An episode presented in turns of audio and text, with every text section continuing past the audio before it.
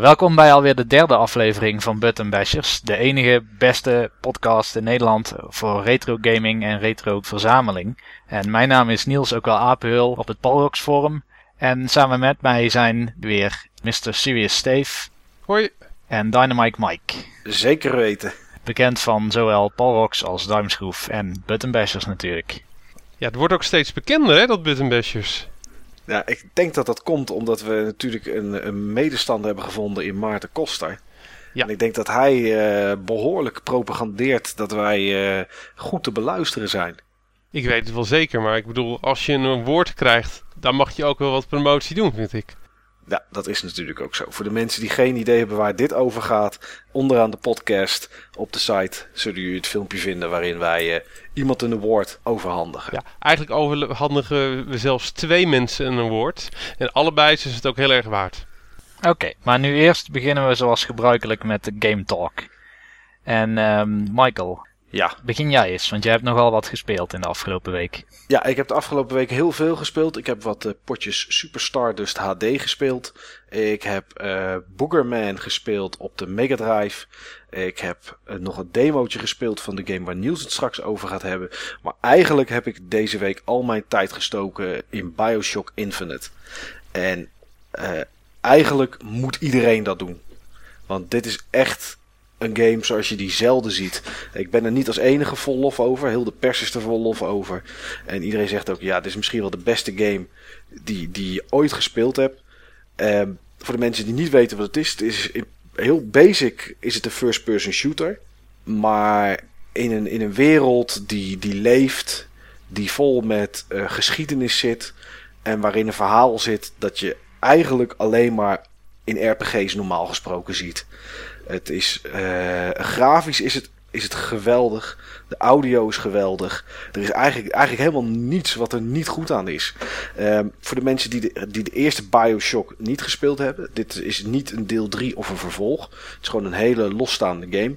Maar waar Bioshock deel 1 heel goed in was. En deze game nog sterker in is. Is echt de wereld zelf. De beleving. De wereld bestaat uit uh, een soort zwevende eilanden in de lucht. Het heet Columbia. En het, is, het speelt zich af in de, in de beginjaren 1900. Dus daar worden ook thema's aangehaald als slavernij. Eh, heel erg op mensen inspreken met godsdienst. Um, allemaal van dat soort dingen die vroeger heel erg aan de hand zijn, zijn allemaal genomen in deze game. En daar is een, geweldig verhaal omheen gebouwd. Met overal liggen audiologs. Dat is iets wat, wat de eerste Bioshock ook had dat er nog meer verhaal verteld wordt, achtergronden. En uh, ja, de, gameplay is simpel. Het is een first-person shooter. Linkerhand heb je je wapen. En uh, uh, nee, je hebt in je rechterhand het wapen. En in de linkerhand heb je magische kracht. Die noemen ze hier Vigors. De, in Bioshock 1 waren het plasmids. En die combinatie van die twee maakt echt ja, zo'n geweldige, zo'n geweldige gameplay. Om een voorbeeld te geven, je hebt een Viger, dus met kraaien. Kan je op mensen kan je kraaien afsturen. En die kraaien vallen die mensen aan. Die, die, die eten ze zeg maar op. Daar wordt dan een stukje van de hitpoints gaat er vanaf. En dan kan jij redelijk rustig op ze schieten. En die kan je upgraden naar een moment dat mensen die doodgaan terwijl ze aangevallen worden door de kraaien. Zelf een trap worden van kraaien. Dat als er een andere tegenstander overheen loopt, die kraaien weer tot leven komen. En die mensen weer aanvallen. Nou, dat soort dingen bij elkaar. Plus, nou ja, wat ik al eerder zei, de geweldige storyline maakt dit echt misschien nu al Game of the Year. Het jaar is nog jong. Het jaar is nog jong. En we weten wat er nog aankomt. Hè. We krijgen de, de PS4 misschien dit jaar, misschien net niet. We weten dat we nog uh, GTA 5 krijgen. Er zullen ongetwijfeld nog andere games aankomen. Maar ik durf te beweren dat in ieder geval in het first-person shooter genre we niet iets gaan krijgen wat over Bioshock Infinite heen gaat. Onmogelijk. Nou, niets wat ik uh, tot nu toe heb gezien in ieder geval, inderdaad. Nee. En dat terwijl ik eigenlijk de game al had afgeschreven een jaar geleden. Ja, ik ook, idem dito. Ja, dat is iets waar ze zelf in de game ook een, uh, zit ook een leuke grap over in. Uh, er zitten heel veel referenties in. Maar het klopt inderdaad. De game zou eigenlijk vorig jaar in mei uitkomen. Toen werd hij verplaatst naar augustus. En toen werd hij van augustus verplaatst naar februari. En van februari naar eind maart. Ja, de, de reden daarvoor is elke keer omdat ze meer wilden verbeteren, het mooier wilden maken. Er is ook een keer het gerucht geweest dat die verlaat werd omdat er een multiplayer in moest. Of dat zo is of niet, dat blijft nog een beetje vaag. Ze zijn er wel mee bezig geweest. En toen heeft uh, hoofdontwikkelaar Ken Levine heeft gezegd van... Nou, we zijn bezig geweest met een multiplayer. Maar de multiplayer moest wel iets nieuws brengen en echt iets toevoegen. En terwijl we bezig waren, vonden wij niet dat het iets toevoegde. En toen heb ik, ondanks dat ik de initiator was, uh, was ik de eerste die zei: dit moet er weer uit. Geen multiplayer. Dus het is puur een singleplayer ervaring. En uh, nou, het is gewoon echt een ervaring. Die wereld, de actie, het is geweldig. Jullie moeten het echt, echt gaan spelen. Nou, je hebt me overtuigd. Ik had deze week al hele goede dingen erover gehoord. Overal reviews ver in de 90. IGN die volgens mij 9.4 geeft. Nog een aantal van dat soort sites. Uh, de eerste Bioshock vond ik tegenvallen. Die sfeer van die onderwaterwereld die sprak mij niet zo heel erg aan. Maar wat ik van deze game gezien heb is, heb, is de sfeer juist weer totaal anders. De artstijl is ook natuurlijk totaal anders. Veel luchtiger. Wat ook heel goed past bij, uh, bij het thema van die stad in de wolken. Uh, ja, die dame die continu met je meeloopt. Bioshock ja. 1 vond ik echt een hele geïsoleerde ervaring. En daar hou ik nooit zo van. Uh, zo van. Uh, Metroid Prime ben ik ook nooit echt ingekomen daardoor. Maar hier dat je continu het gevoel hebt alsof je in contact met iemand staat. Dat is gewoon iets wat mij gewoon wel heel erg aanspreekt. Dus ook voor mij iets wat ja, niet elke shooter heeft. Nee, klopt. Elizabeth uh, is de dame waar je het over, uh, over hebt. Inderdaad, die, uh, op een gegeven moment gaat die, gaat die met je mee. Ze leeft ook echt. Op het moment dat jij rond het lopen bent in de wereld en je gaat een mannen-wc en blijft ze buiten wachten. Omdat dat natuurlijk eigenlijk niet kan. En dan vraagt ze ook om, om zoveel tijd en niet dezelfde zin en niet een herhaling van of het wel goed gaat met je als je lang binnen blijft. als het ergens stinkt, dan dan loopt ze ook echt met de hand over de neus. Als jij lang ergens aan het rondhangen bent, gaat ze op een bankje zitten. Omdat het er allemaal te lang duurt en omdat ze door wil lopen. En ja, al dat soort dingen maken het echt een complete, ja, gewoon echt een complete ervaring. Ja, dan moet ik het toch inderdaad op gaan pikken. Want ik had hetzelfde als wat Steve zei. De eerste Bioshock heeft mij niet zo gegrepen. Ook al vond ik het juist qua sfeer en omgeving heel interessant. Het was toen meer de gameplay die ik toch wel iets aan de bekende kant vond. Ja. Maar het was wel de eerste next-gen title, als in next-gen voor PlayStation 3 en Xbox 360. Of kwam je alleen op de Xbox uit in die Alleen tijd? op de Xbox. Laat Ja, ja, PS3. inderdaad. Dat hebben ze toen later hersteld. Maar Ja. eh, ze hadden volgens mij of performance problemen in eerste instantie op de PS3. Of hij was gewoon exclusive in eerste instantie voor de Xbox. Volgens mij was die exclusive voor ja, de klopt Xbox. wel. Hij was exclusive inderdaad, ja. Ja, en deel 2 kwam toen wel uit. En als je nu volgens mij hem op de PlayStation 3 koopt, Bioshock Infinite, krijg je volgens mij deel 1 erbij zelfs. Oké, Oké. dat is wel leuk. Ja. Joh, wat ik ook gelezen heb, is dat dit eigenlijk wat Bioshock 2 had moeten zijn. Ja, Bioshock 2 was, was natuurlijk ehm, eigenlijk een, een verlengstuk van deel 1. Het was dezelfde wereld, je kwam niet in dezelfde gebieden. Het, eh, er zat natuurlijk een multiplayer zat erin ook. Ja, het was nog steeds een leuke game, maar het is niet wat Infinite is eh, in verhouding tot deel 2. Want het is, ja, god, dit moet je echt gespeeld hebben. En vooral als je een gamer bent die het verhaal interessant vindt, die het verhaal leuk vindt en ook alle feitjes en de kleine dingetjes zoals een, eh, mensen die staan te praten en die het dan over iets hebben uit die tijd. Op een gegeven moment kom je bij een fabriek en daar hoor je de, de eigenaar hoor je door de speakers heen zijn medewerkers toespreken. En die zegt bijvoorbeeld van eh, ik hoor allemaal rare dingen. ko- zijn met de oren gekomen over mensen die eh, betaalde vakantiedagen willen en maar werkdagen van acht uur. En dat vindt hij belachelijk. Het is iets wat nu heel normaal is en toen niet. En dat is wel leuk om dat zo te horen eh, qua geschiedenisles. Ja, je moet, je moet het gewoon echt gespeeld hebben. Ik had ook ergens een screenshot gezien van een schilderij wat ergens hangt. Wat Abraham Lincoln als een soort van duivel eh, afbeeldt. En eh Booth, die zeg maar Lincoln heeft doodgeschoten, juist als een soort met van held of halve engel. Dat alleen al vond ik echt heel cool uitzien. Ja, nou, er zitten heel veel van dit soort dingetjes zitten erin. Nou, je hebt me overtuigd. Ik had het al gezegd en hij stond al op mijn lijstje na deze weken. Maar nu staat hij ook nog eens een keer hoog op mijn lijstje. Om zowel aangeschaft als gespeeld te worden. Als je er niks aan vindt, betaal ik je aankoopbedrag terug. Ik denk dat het niet het geval zal zijn. Maar Nee. ik, eh joh, extra reden om het, eh, ja, om het gewoon snel te doen. Steve, Ja, waar ben jij zelf mee bezig geweest? Ja, voor mij uh, enerzijds uh, de inmiddels uh, twee bekende namen, Dragon Age en Kingdom Rush, die ik allebei nog steeds even leuk vind. Maar daarnaast, ook omdat het anders wel heel erg saai wordt, ook met deze podcast, heb ik nog wat andere games gespeeld. Echte retro games.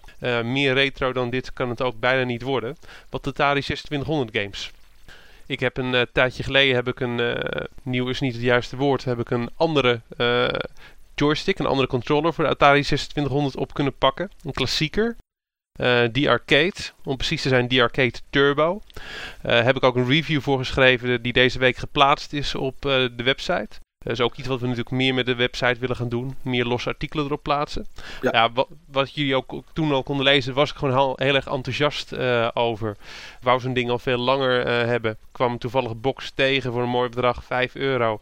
En ik had zoiets van, joh, ik heb nu net een Atari 2600 weer. Ik had er alleen, alleen die was niet helemaal, uh, niet helemaal jovel meer. En ik had nu dan zeg maar op mijn beurs had ik een betere kunnen kopen.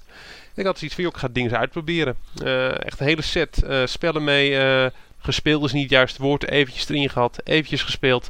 Waarbij twee spellen blijven hangen. Dat waren Missile Command en Phoenix. Die vond ik allebei toch wel heel erg leuk.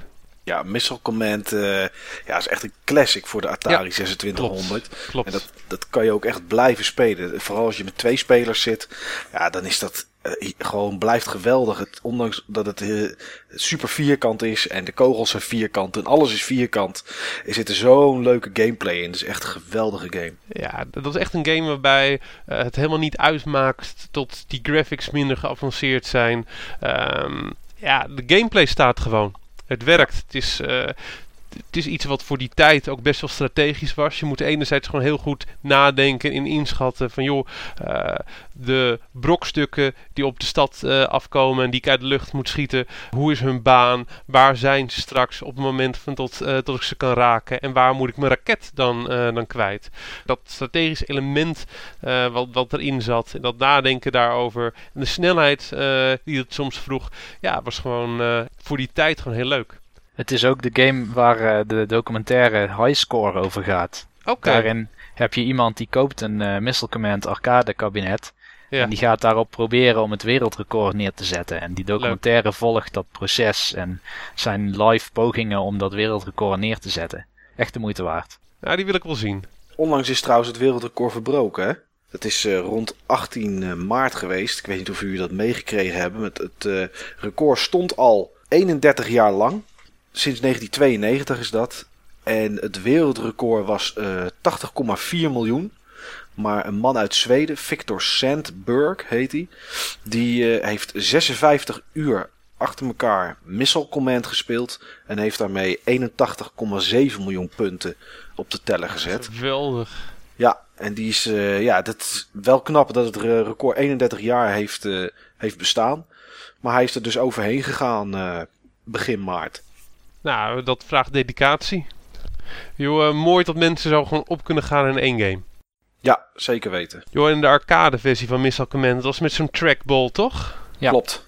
Nou, ik moet zeggen, die Atari 2600 versie die je gewoon met een joystick uh, bedient. Uh, ja, met de joystick die ik nu gekocht heb, speelde gewoon echt lekker ik heb vroeger hem alleen maar gespeeld met de standaard, uh, ja, met de standaard joystick voor de Atari 2600.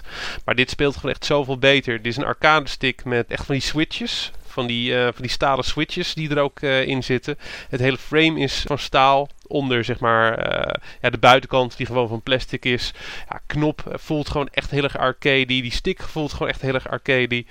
Qua wat ik aan oudere hardware in mijn huis heb, is dit toch echt wel de beste controller. Qua echte arcade stick dan.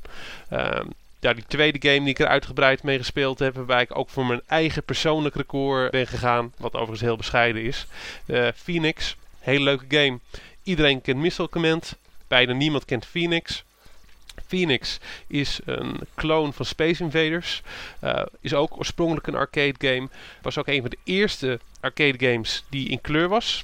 En voor zover ik weet was het ook een van de eerste games met een boss.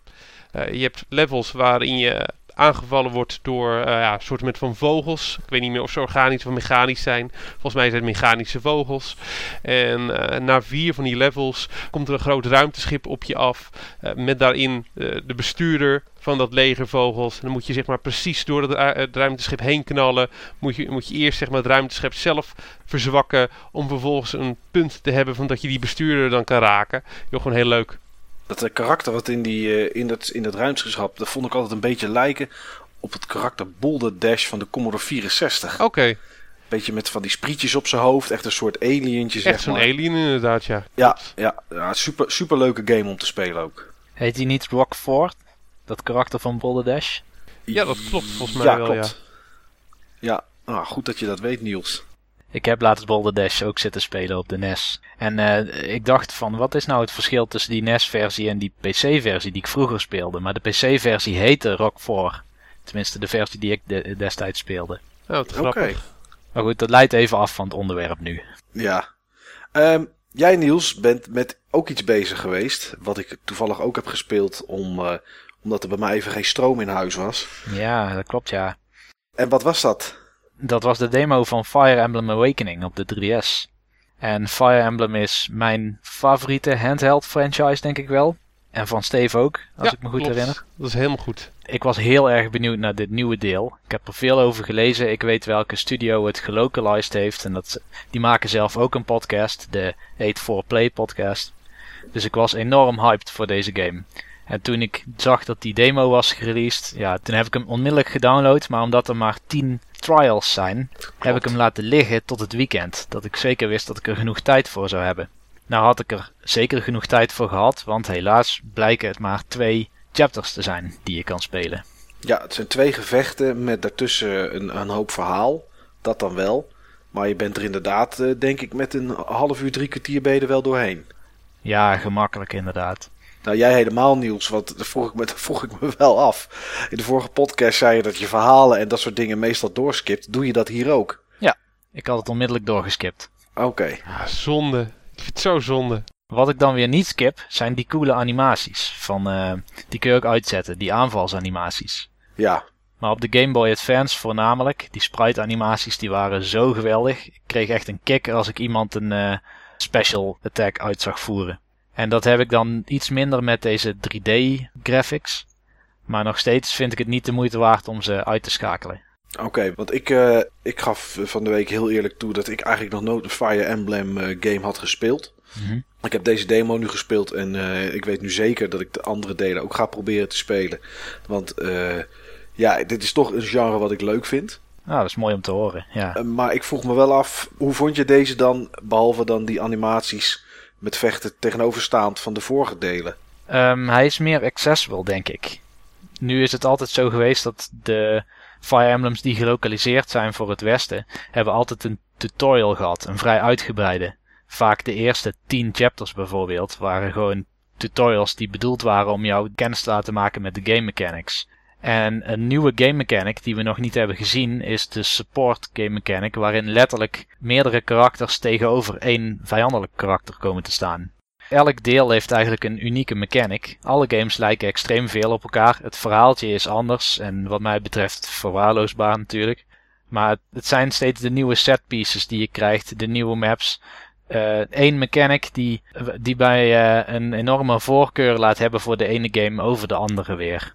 Bij de ene game is dat bijvoorbeeld een mechanic waarin je een ander karakter een duwtje kan geven, zodat hij een square verderop komt te staan.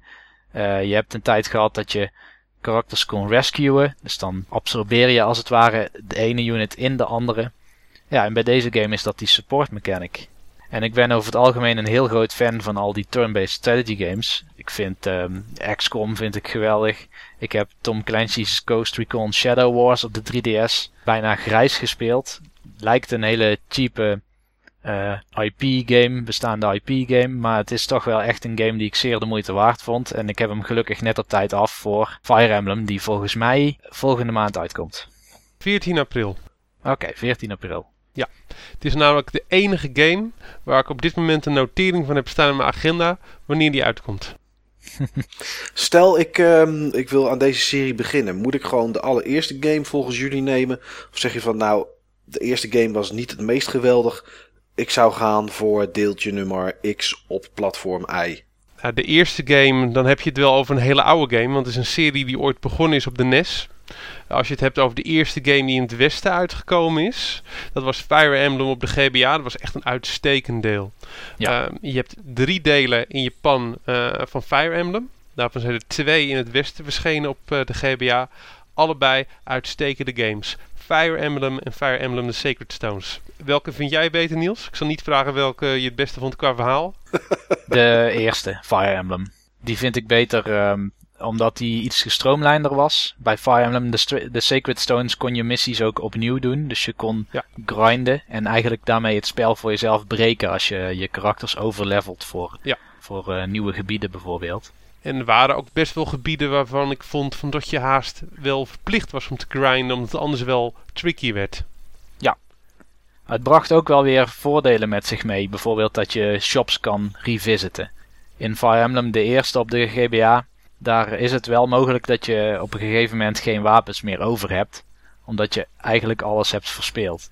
Oké. Okay. Nou, ik, uh, ik ga hem op mijn lijstje zetten en ik ga daar... Zeker uh, doen, zeker Ik heb trouwens nog wel één leuk puntje over Fire Emblem. Het is een game waar uh, de art director van Vanguard Entertainment Games heel erg aan verslaafd was. Daardoor heb ik die game ook leren kennen.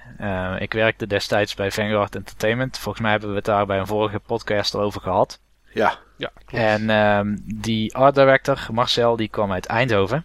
En elke dag zat hij in de trein met een liter koffie en Fire Emblem. En als hij die uit had gespeeld, begon hij weer opnieuw, maar dan steeds op een nieuwere moeilijkheidsgraad. En dat ging zo jaar in jaar uit, alleen Fire Emblem. En ja, omdat ik ook op diezelfde trein stapte, ben ik ook Fire Emblem gaan spelen en op die manier ook eigenlijk verslaafd geraakt. Of verslaafd is misschien een groot woord, maar uh, heb ik een in grote passie gekregen. Ja, ja. oké, okay, apart.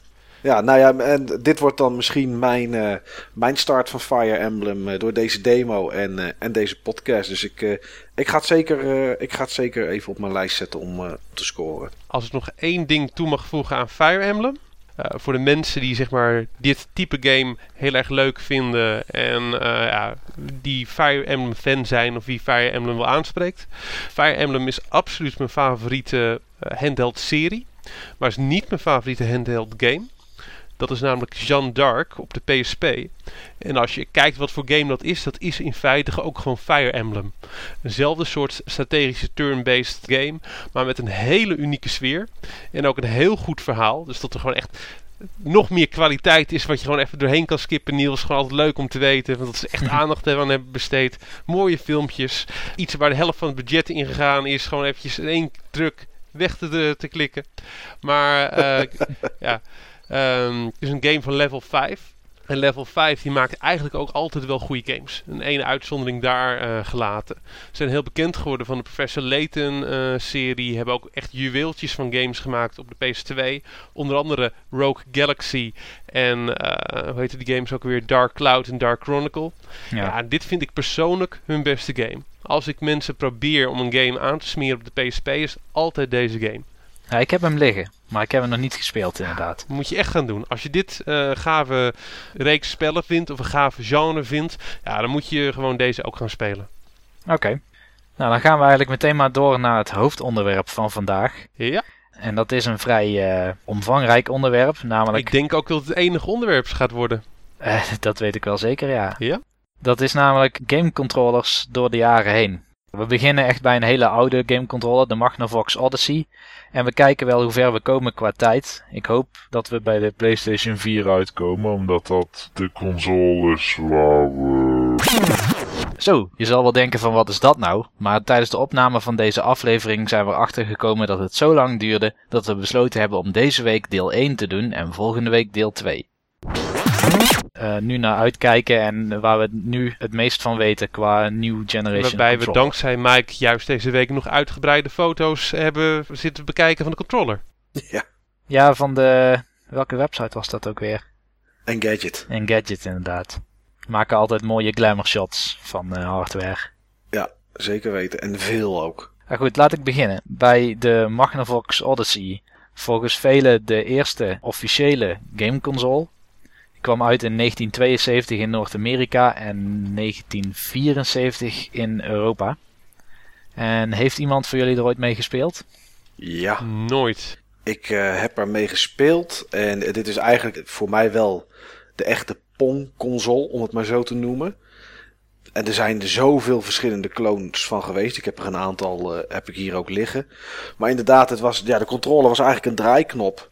Net zoals je dat uh, van de volumeknop had aan je versterker. En ja, meer was het eigenlijk niet. En het mooie was ook dat het eigenlijk niet nodig was in die tijd. Of zat er wel een vuurknop op? Wel hè? Ja, ik weet het niet, want ik heb hem nog nooit gezien. Maar volgens mij zit er wel een knopje op de zijkant. Ja, ja er zit één knopje op. Naast de draaiknop zit er één knop op om, uh, als jij aan zet bent, zeg maar om de bal af te schieten. Ja. En dat is het. En het was de simpelheid van de, van de controller met de simpele games. En natuurlijk ook de eerste echte console die je thuis kon hebben. Dus ik denk dat het daarom ook door veel mensen omarmd werd. Maar het was, uh, ja, het was een prima controller voor wat je ermee moest doen. En het was eigenlijk alleen maar uh, schieten om je bal weg te schieten. En daarna bewegen met de draaiknop om, de, om, om je stickje te bewegen. Eigenlijk gewoon ook helemaal op maat voor de games uh, die erop kon spelen. Of eigenlijk de game die erop kon spelen. Ja, klopt. Het was uh, in je eentje tegen een muur, met z'n tweeën tegen een muur. En tegen elkaar en met een soort net ertussen. En dat waren eigenlijk de enige mogelijkheden die er waren. Dus ja, daar was die automaten geschikt voor. Je had geloof ik ook zo'n clone, de ATV Fun. En er zaten een zestal spellen bij. En die heten dingen als hockey, tennis, squash en meer van dat soort dingen. Maar eigenlijk was het allemaal pong. Ja, met een bal en een, en een staafje. Dat was het. Ja, het was natuurlijk voor die tijd was dat wel revolutionair dat dit in de huiskamer kon. Ja, en we hebben eigenlijk later ook bijna nooit meer zo'n dial, zo'n draaiknop gezien als input component. Nee, de controle van de ColecoVision leek daar wel wat op. Maar dat was gewoon een joystick die eruit zag als een draaiknop. En volgens mij zijn er voor de Atari 2600 zijn er ook wel joysticks geweest met een, uh, met een draaiknop. Klopt, ja. Ik heb ze wel eens zien liggen. Ja, dat Atari 2600. Laten we daar meteen maar in verder gaan. Ja. Die is een stuk later, ongeveer vijf jaar later uitgekomen. In 1977 in Noord-Amerika. En 1978 in Europa. En daar had je eigenlijk een, uh, een controller waarop een joystickje bevestigd was en een knop. Ja. ja. Een revolutionair ding voor die tijd. En de eerste controller die ik ooit in mijn handen heb gehad. Dit is ook de console waar jij mee begonnen bent, Mike, toch? Ja, klopt. Atari 2600 was voor mij ook de allereerste console die ik aangeraakt heb. Um, kort daarop, ik weet niet in welke volgorde, was het uh, de Philips Video Pack 7000. Die had ook, uh, leek ook eigenlijk wel een klein beetje op de Atari 2600 qua idee. Een cartridge erin, een, een joystick met een, uh, nou ja, met een knuppeltje in het midden en in de hoek een, een vuurknop. Maar dat klopt, Atari 2600, uh, een hele lichte joystick was het. Met om, de, om de stick in het midden heen zat een soort rubberen ring. Ja, en een vuurknopje in de hoek. En ja, dat was dat was eigenlijk voldoende. Dat vind ik eigenlijk wel mooi als we zo meteen ook de rest van het lijstje afgaan. Is dat er door de jaren heen gebleken is wel dat controllers met meerdere knoppen niet altijd nodig waren om toch ja, de games goed te kunnen spelen. En dat is denk ik waar de Atari 2600 wel liet zien dat het ook gewoon kon met één simpele knop. Als ik nog een ding mag zeggen over die controller. Het was voor zijn tijd echt een briljante en revolutionaire controller. Uh, ook heel laagdrempelig. Als, uh, als klein jongetje kon ik gewoon direct ook mijn weg vinden met die controller. Ja, er was weinig aan wat je er niet aan kon snappen. Alleen wat ik zelf een nadeel vind van de standaard controller van de Atari 2600, heel kwetsbaar. Uh, zijn gewoon echt versleten met bosjes. Heel veel van die controllers die nog steeds in omloop zijn of die je wel eens tegenkomt, ja, die zijn gewoon kapot. Het was niet het sterkste ding. Nee. Heb jij er ooit mee gespeeld, Niels? Want nee, je had met, nooit. Uh... Nee. Oké. Okay. Nou, dan moet je zeker maar een keertje hier langskomen. Mijn retro begint bij de Commodore 64. Ah, oké. Okay. Die we niet gaan behandelen overigens. Want daar was de main input device toch een toetsenbord. Dus dat is ja. meer een hybride. Als ik daar nog een ding over mag zeggen. Mm -hmm. Heel veel mensen die wel een joystick hadden. Die hadden dus die Arcade Turbo. Uh, wat eigenlijk in de jaren 80 een van de populairste joysticks was voor home consoles. En voor uh, de consoles uit het Atari 2600 tijdperk in Nederland.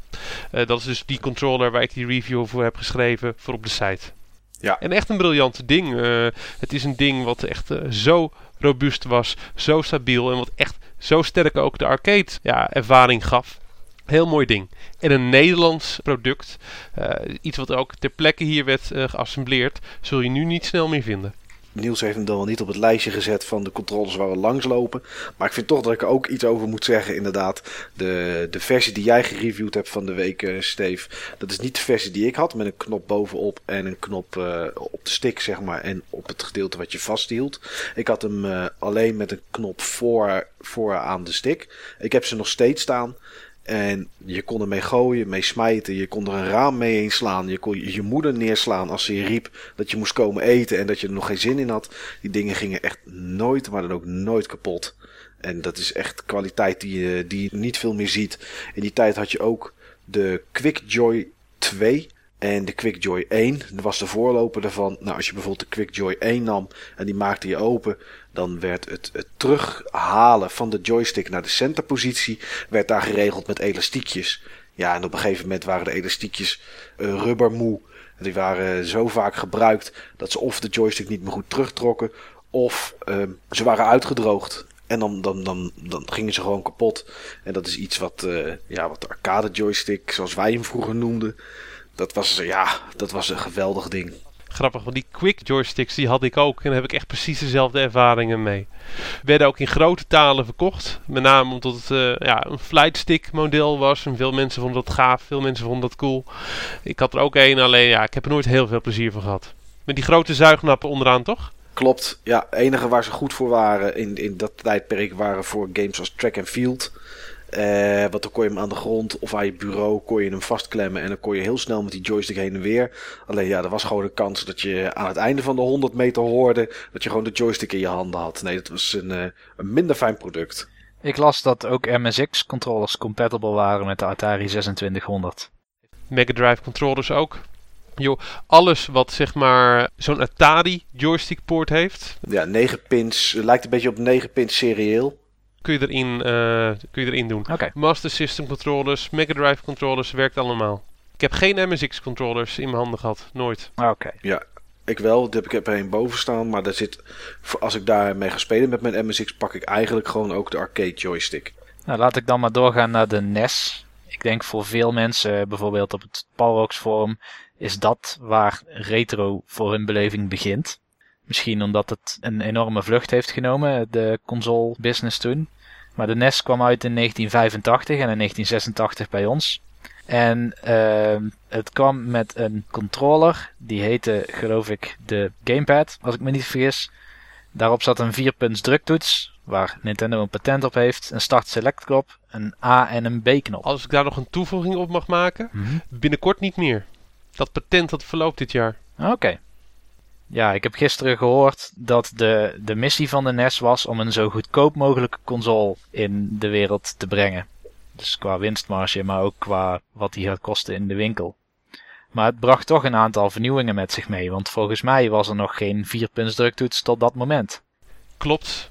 Hij was er wel. Hij was er voor de um, Game Watches die voor de NES zijn uh, uitgekomen. Ach, natuurlijk. Daar heeft uh, Nintendo me ooit uh, ooit voor uitgevonden. Ja, Famicom controllers die hadden overigens geen start-select knop, maar een volume uh, slider en een uh, microfoon. Klopt. Waar werd die microfoon voor gebruikt? Weet iemand dat? Ik heb geen flauw idee. Joh, uh, er waren ook een paar spellen waarvan het merendeel gewoon hier nooit uitgekomen is. Uh, die werkten met die microfoon. het belangrijkste game die wel in het westen is uh, uitgekomen, die eigenlijk gewoon voor sommige dingen werkte met een microfoon. Een game waarvan jullie misschien gehoord hebben, Legend of Zelda. Daar moest je een deel van de tegenstanders uitschakelen of verzwakken door te blazen in de microfoon in de Amerikaanse en Europese handleidingen staat ook iets van dat je zeg maar, moet blazen op die uh, tegenstanders. Maar ja, kan natuurlijk helemaal niet. Maar dat soort dingen, dat schijnen ze in Japan vaker gedaan te hebben met die microfoon. En dit is wat ze natuurlijk later bij de DS bijvoorbeeld Klopt. ingevoerd hebben met, uh, met Yoshi met een ballonnetje en dan blazen om, uh, om hem in de lucht te houden. En ja, de andere controller natuurlijk voor de NES, wat denk ik echt revolutionair was, was de Zapper. Ja, ja zeker. Ja, iedereen kreeg die natuurlijk bij uh, Mario en Duck Hunt, bij de Action Pack. Ja. Dat is natuurlijk een versie die pas later is, uh, is verschenen. Dat was die oranje zipper. In eerste instantie was het gewoon een losse accessoire. Ja, dat zijn weer van die feitjes die ik nooit heb geweten. De oorspronkelijke Zapper was ook grijs. Ja, klopt. Die was, die was grijs. En wat ik vooral erg briljant vind, nog steeds, is hoe ze natuurlijk bedacht hebben dat het systeem werkte van de, van de zapper. Je richt natuurlijk op tv en je haalt de trekker over. En op het moment dat, je, dat de zapper ziet dat het een wit blokje is waar je op gericht hebt, dan heb je raak geschoten. Oh, dat klopt ja. Je hebt gelijk. Ik herinner me nu inderdaad hoe dat technisch werkte. Voor één of twee frames wordt inderdaad uh, de sprite van de tegenstander eventjes vervangen door zo'n wit blokje. Als je heel goed kijkt, dan zie je het ook. Ja. Ja, en, da en dat is de reden waarom het ook op, op de huidige tv's niet meer werkt. Klopt. En waarom, uh, waarom het ook niet goed werkte op 100 Hz tv's. Ja, en toch is, dat, toch is dat briljant bedacht. Want ik heb in die tijd toch wel met verbazing zitten kijken hoe het kon. Dat als je echt misschoot, dat je ook echt misschoot. Ja. En dat, dat had ik dan meer dan raak. Dus vandaar dat ik maar even met mis begin. Maar het is wel, uh, ja, ik vond het wel een, eh, een zeer interessante manier van, uh, van detectie of je raak geschoten had of niet. Toen ik klein was, toen zat ik met de gun tegen de tv aan. Dat hebben wij denk ik allemaal gedaan. Dat heeft iedereen wel eens gedaan. Ik moet zeggen, ik heb nog nooit op een gloeilamp verschoten. Dat is een manier om ook altijd uh, raak te kunnen schieten. Want dan schiet je eigenlijk altijd op een lichtgevend wit blokje. Ik ben benieuwd of het straks ook nog werkt op het moment van dat er overal ledlampen zijn. Het zal waarschijnlijk wel. Maar uh, ja, dat is ook gewoon een methode van vals spelen die ook dankzij YouTube, dankzij internet, ja, vrij bekend is geworden. Ja. Maar dit zou dus betekenen dat je uh, in een spel zelf geen witte blokjes kan gebruiken. Omdat anders die gun niet goed reageert. Nee, die denkt dan dat je raak geschoten hebt. Ja. Nou goed, laten we doorgaan naar de volgende console. Uh, de Mega Drive. Uitgekomen ja. in 1989 en 1990 in Europa. En zij hadden een eigen kijk op de D-pad. Want ik geloof dat alleen de vorm van de D-pad gepatenteerd was, maar niet de functie. Klopt, alleen de vorm inderdaad, ja. Het enige vervelende is dat uh, de functie gewoon veruit het beste werkt met die vorm. Ja. De functie van de D-pad het beste werkt met echt vier puntjes, bedoel je, Steve? Ja, ja, ja. klopt. Nou ja, dat is iets wat we later ook wel gezien hebben bij de Xbox 360. Ja. Uh, waar de D-pad, als je naar rechts drukte, gewoon dacht dat je naar schuin onder drukte. En uh, dus het werkt inderdaad wel het lekkerst als je echt de vier losse punten hebt. Ik moet wel zeggen dat de eerste keer dat ik de Mega Drive controller in handen had, dat ik wel een beetje schrok van wat een hoop knoppen. Want het werden er vrij snel, werden het er eigenlijk steeds meer. Het waren er eerst drie en daarna kwam een controller uit met zes knoppen. Ja. ja die natuurlijk ingegeven was door uh, ja, de hele hype die er op dat moment was met, uh, met fighting games. Uh, en omdat de Super Nintendo controller op dat moment zes knoppen had. vier op de voorkant en twee natuurlijk aan de bovenkant. Ja. Ja, ik moet zeggen, die Mega Drive controller met die drie knoppen, ja, ik vond het wel een mooi ding. Het heeft pas wat later geduurd van dat ik hem in mijn handen heb gehad. Ik heb hem pas in mijn handen gehad toen de Super Nintendo ook al uit was. Ja, het eerste wat ik dacht eigenlijk was, oh, wat weinig knoppen. Ja, ik zag gewoon het aantal knoppen als op een controller, zeker in die tijd, als een, uh, als een mogelijkheid voor ingewikkeldere, uitgebreidere games. En dat was, dat was juist wat ik zocht uh, in die tijd. Uh, schieten, springen, een speciale actie doen, een inventory inkomen. Ja, ik had toen ook wel redelijk door dat je daar eigenlijk gewoon meer knoppen voor, uh, voor nodig had. En zeg maar de standaard platformen met alleen springen, daar was ik wel een beetje klaar mee. Maar ik moet zeggen, die uh, Mega Drive controller, ja, prima controller. Ook die D-pad werkt op zich behoorlijk goed. Minder dan een Nintendo D-pad, maar ja, dat is eigenlijk elke D-pad. En uh, ja, wat ik wel echt een verbetering vind ten opzichte van de NES-controller, veel ergonomischer. Echt die ronde vormen. Uh, ik heb echt uren en uren met die NES-controllers in mijn handen gezeten, achter elkaar. En soms echt gewoon tot bloedens toe. Dat zou je met een Mega Drive controller niet snel hebben. Tot bloedens toe heb ik nooit gehad uh, met controllers, maar wel krampverschijnselen. En dat was ook wel een klein beetje met de NES. Is natuurlijk zo vierkant als, als vierkant kan zijn. Klopt. Ja, de ergonomie is daar inderdaad ver te zoeken. En dat had ik inderdaad ook wel een beetje bij de Super Nintendo controller. Ja? Ja. Nou, dat verbaast me. Dat vind ik ja. een van de fijnste controllers persoonlijk. Nee, vind ik, ik qua 2D retro controllers. Die echt gewoon gemaakt zijn voor de klassieke tweedimensionale spellen zonder uh, analoge stick. Vind ik het echt veruit de beste controller. Ja, nee, ik, ik zeg niet dat het een slechte controller is, want er zijn slechtere. Maar ik heb wel gehad na, na speelsessies van, van 4, 5 uur Mortal Kombat. waarbij er veelvuldig op knoppen werd gedrukt, dat ik daar toch wel in mijn, in mijn duim een beetje kramp van kreeg. Maar misschien lag het aan mijn speelstijl. Hoe speelden mensen vroeger Mortal Kombat of Street Fighter op de Mega Drive toen dat ding nog maar drie knoppen had? Ja, dat vraag ik me ook af. Nou, dat kan ik je wel heel goed uitleggen, want ik speelde het namelijk op de Amiga. En daar zat ook bij mij een arcade joystick aan en die had maar één knop. En toch kon je daar dezelfde moves mee uithalen met Mortal Kombat en met Street Fighter als met uh, drie knoppen of vier of zes. Alleen er, er zaten meer bewegingen die je moest maken. Als je een, halve draai moest maken op de, op de SNES, dan moest je een halve draai maken en nog een tikje naar achter. Uh, er kwam gewoon één of twee extra bewegingen kwamen erbij.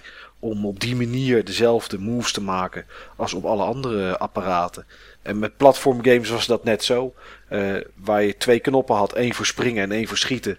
Werd het bij de Amiga of de Commodore 64 werd omhoog duwen, werd dan je springen en de knop was het schieten.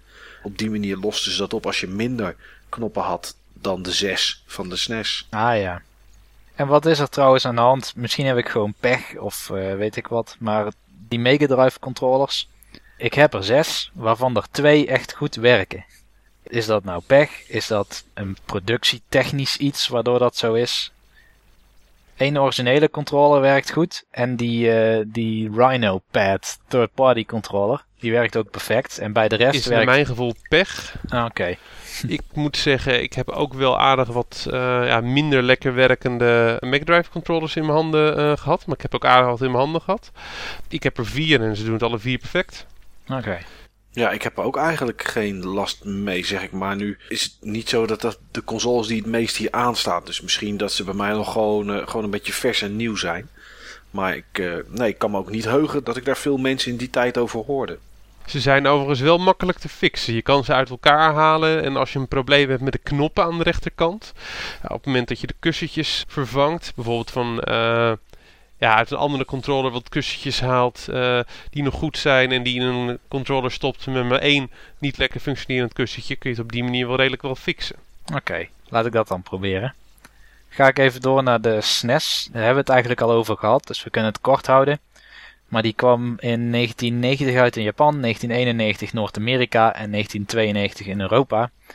En wat daar vooral veranderde was vier face buttons en L en R shoulder buttons. Ik vraag me wel af, als dat niet gebeurd was, wie dan de eerste zou zijn geweest die er nog meer knoppen op zou hebben gepropt op een controller? Sony. Ja, waarschijnlijk wel. Ja. Ja, toen begon het zeg maar echt te komen dat, we, dat, dat je zoveel acties op zoveel verschillende knoppen kon plakken.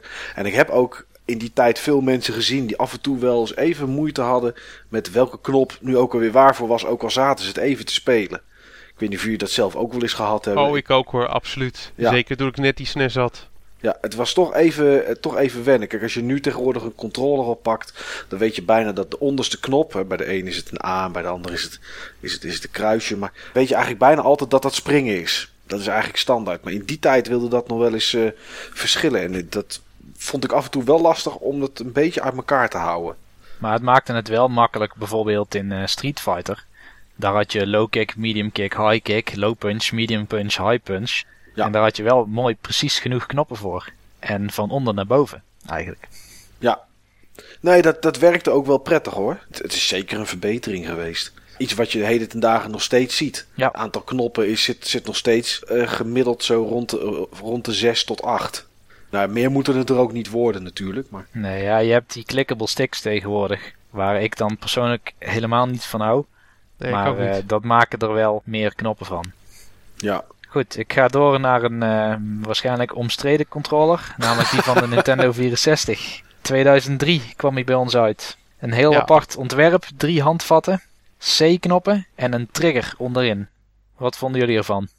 Ik uh, zeg Steve, jij mag, uh, jij mag eerst. Ja, dat is goed. Dat is goed. Ja, ik heb een heel dubbel gevoel bij uh, die controller.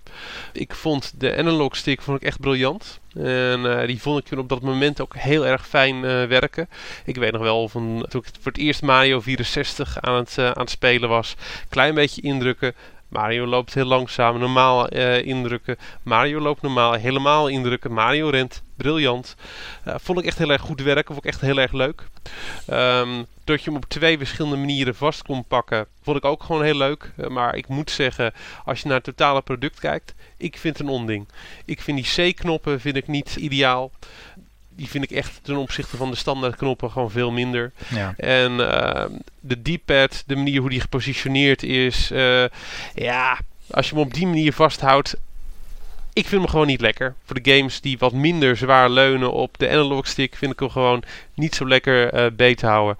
En wat mijn grootste euvel ermee is, het ding is gewoon enorm kwetsbaar. Ja. Ik ben heel zuinig op mijn spullen, heel zuinig op mijn controllers. Heb nog nooit een controller kapot gemaakt, behalve een Nintendo 64 controller. Ook vrij kort nadat ik hem had, wel bekende probleem, lampookje. Als je die dingen tegenkomt, lamme pookjes. Bijna altijd. Vind ik gewoon niet goed voor een product wat primair gericht is op kinderen. Of waarvan kinderen op zijn minst gewoon een hele groot, uh, heel groot onderdeel van de doelgroep zijn. Ja, en Nintendo werkte het ook wel in de hand als je een Mario Party game koopt, waar het doel is om zo snel mogelijk dat pookje rond te draaien. Ja. Voor een minuut. Ja, wat vond jij van de controller, Niels? Um, ja, toch ergens een beetje hetzelfde als wat Steven al heeft gezegd. Ik vond het idee heel erg goed. Ik vond het een, een heel goed idee om die meerdere control schemes eigenlijk te bieden, bijvoorbeeld in een spel als Duke Nukem 64. Dan kon je spelen met uh, dat je stuurde en streefde met de D-pad. En dat je met je rechterhand dat middelste pookje vasthield, zoals we eigenlijk nu doen tegenwoordig. Dat we met onze rechterduim aimen. Dat was toen eigenlijk al mogelijk. Al gek genoeg uh, speelden we toen GoldenEye nog met het stekje in onze linkerhand om te lopen en die C-buttons om te aimen. Maar hetzelfde als wat Steve zegt, ik heb geen enkele controller meer waar dat pookje nog heel goed werkt. Uh, het is geen analoge stick meer, het is puur digitaal, want het is of ik loop wel of niet geworden inmiddels. Maar uh, gezien ja, wat het teweeg heeft gebracht voor volgende controllers, is het wel een, een mooie stap geweest. Ja. Dat is mijn mening. Je ja. durft te zeggen dat uh, de volgende controller waar we het uh, waarschijnlijk over gaan hebben nu absoluut er niet geweest was zonder uh, de Nintendo 64 controller. De Sony PlayStation DualShock. Nou, misschien heeft Michael nog een... Sorry Mike. Nou, mijn, mijn mening over deze controller is, is heel kort. Ik vind het een verschrikkelijk ding. Ik durf te zeggen dat ik dit de meest verschrikkelijke controller voor een console ooit vind. Hij ligt totaal niet prettig in mijn handen. Um, het is een leuk idee dat je de, de middelste pook of de, middelste handvat beet kan pakken, zodat je daar een analoog stickje hebt. Een analoog stickje is ook inderdaad uh, goed dat ze dit bedacht hebben. Maar wat een verschrikking. Het ligt gewoon onnatuurlijk in je handen. En dat maakt het gamen ook gewoon, gewoon niet leuk. Daarbij was dit volgens mij de eerste controller, zeg ik even uit mijn hoofd, waar je add-ons in kon plaatsen. Een, eh, een, een rumble pack, een save pack, een expansion pack. En het had er van mij, had dat er eigenlijk allemaal wel direct in mogen zitten. Ik weet dat dat niet gebeurd is en hè, dat het natuurlijk ook waarschijnlijk prijstechnisch niet interessant was om dat gelijk vanaf het begin af aan te doen. Ja. Maar ja, als je nu een, een, een Rumble Pack erin hebt en Expansion Pack, het ding wordt zo log, hij is zo lomp. Ik, uh, nee, ik ben, ik ben niet zo'n hele erge fan van de Nintendo 64 zelf en ook niet van de controller. Dus uh, wat mij betreft uh, door naar uh, de volgende controller. Want daar krijg je natuurlijk wel een glimlach van op mijn ja, gezicht. Ja, de PlayStation controller. Ja. 1995 voor ons Europeanen. Nou, doe jij het woord aan maar, Michael. Ja, een geweldige controller vond ik het. Zo origineel. Nee, dat niet.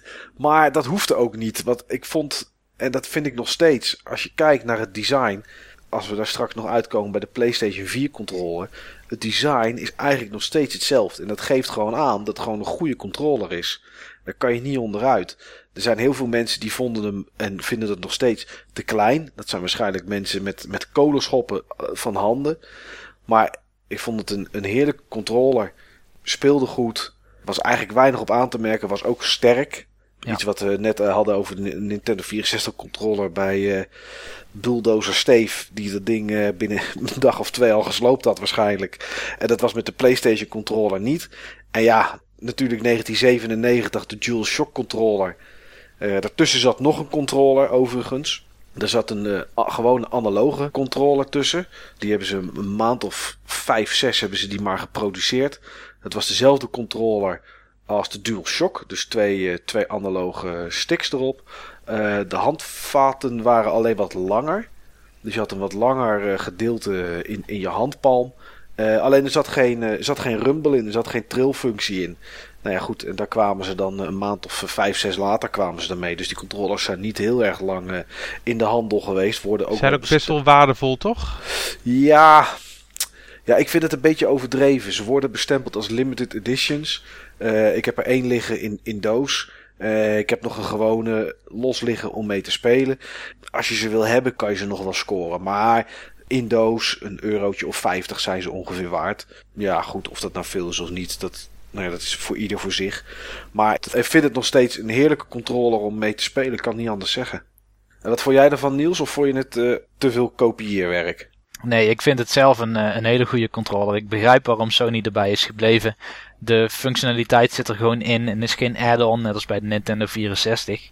Wat wel is, is um, het is natuurlijk een controller waarin ik toen ik voor de PlayStation 3 geprogrammeerd heb, uh, daar heb ik RSI opgelopen door de Six Axis, zoals die toen nog heette. Oké. Dat is eigenlijk tussen de DualShock 2 en de DualShock 3. De eerste die voor de PlayStation 3 werd gereleased, waar een gyroscoop ingebouwd was. En uh, de rumble uit was gehaald omdat het een last gen feature was. En de reden dat ik daar een, uh, een uh, RSI aan overgehouden heb, is de clickable sticks. Ja. Ja, dat snap ik wel. Ze hebben inderdaad, toen die DualShock controller uitkwam, was dat zeg maar ook een knop. Het nog steeds ook bij de Xbox. De R3 wordt het meestal genoemd. Ja. En de L3. Uh, vind ik niet zo'n fijne knop.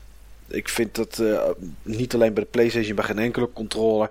Als ik aan het rennen ben en ik, of aan het lopen ben en ik moet daar dan op drukken terwijl ik aan het lopen ben om te gaan rennen.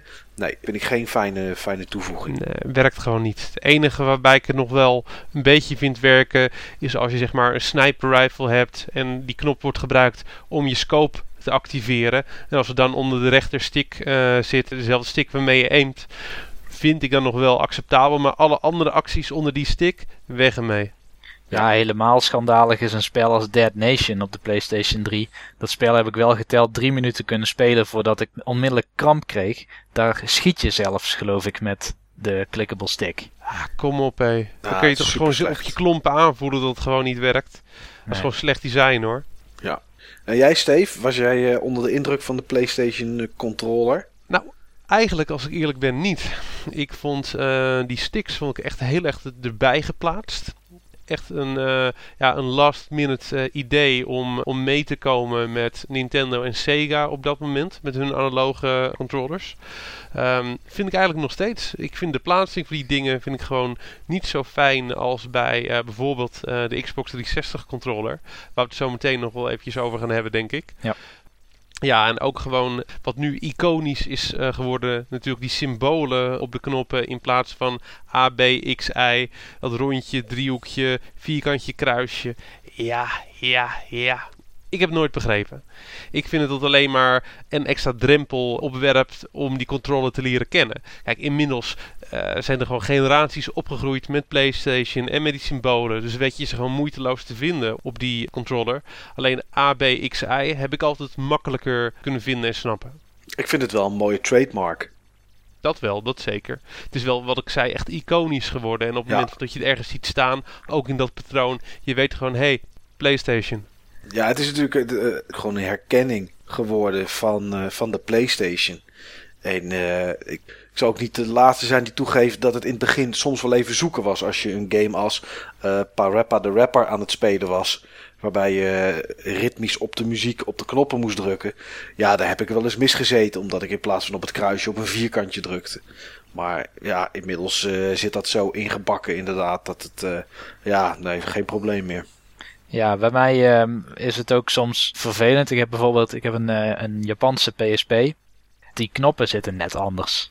Volgens ja. mij zit daar rondje beneden of zo en uh, kruisje rechts. Nou, dat vond ik sowieso wel vervelend van als je af en toe ook op de PlayStation 1 uit de tijd dat kopiëren nog wel eens gebeurde. Uh, bijvoorbeeld een Japanse game had. En volgens mij is het zelfs ook zo, maar dat weet ik niet 100% zeker met Final Fantasy 7 die gewoon hier uitgekomen is. Uh, bij elke game was het eigenlijk standaard op het kruisje drukken om de game te beginnen of in een menu iets te selecteren. En bij de Japanse games was het dan het vierkantje. Dan moest je op de rechterknop moest je drukken. Ja, dat waren dan van die dingetjes dat, dat je niet wist waarom het was, maar het was wel heel erg irritant. Ja. Oké, en de volgende controller op ons lijstje is de Xbox controller. Nou, dit was dus deel 1 van game controllers door de jaren heen. We hopen dat jullie ervan hebben genoten. Volgende week komt deel 2. En dan gaan we weer verder vanaf de Xbox.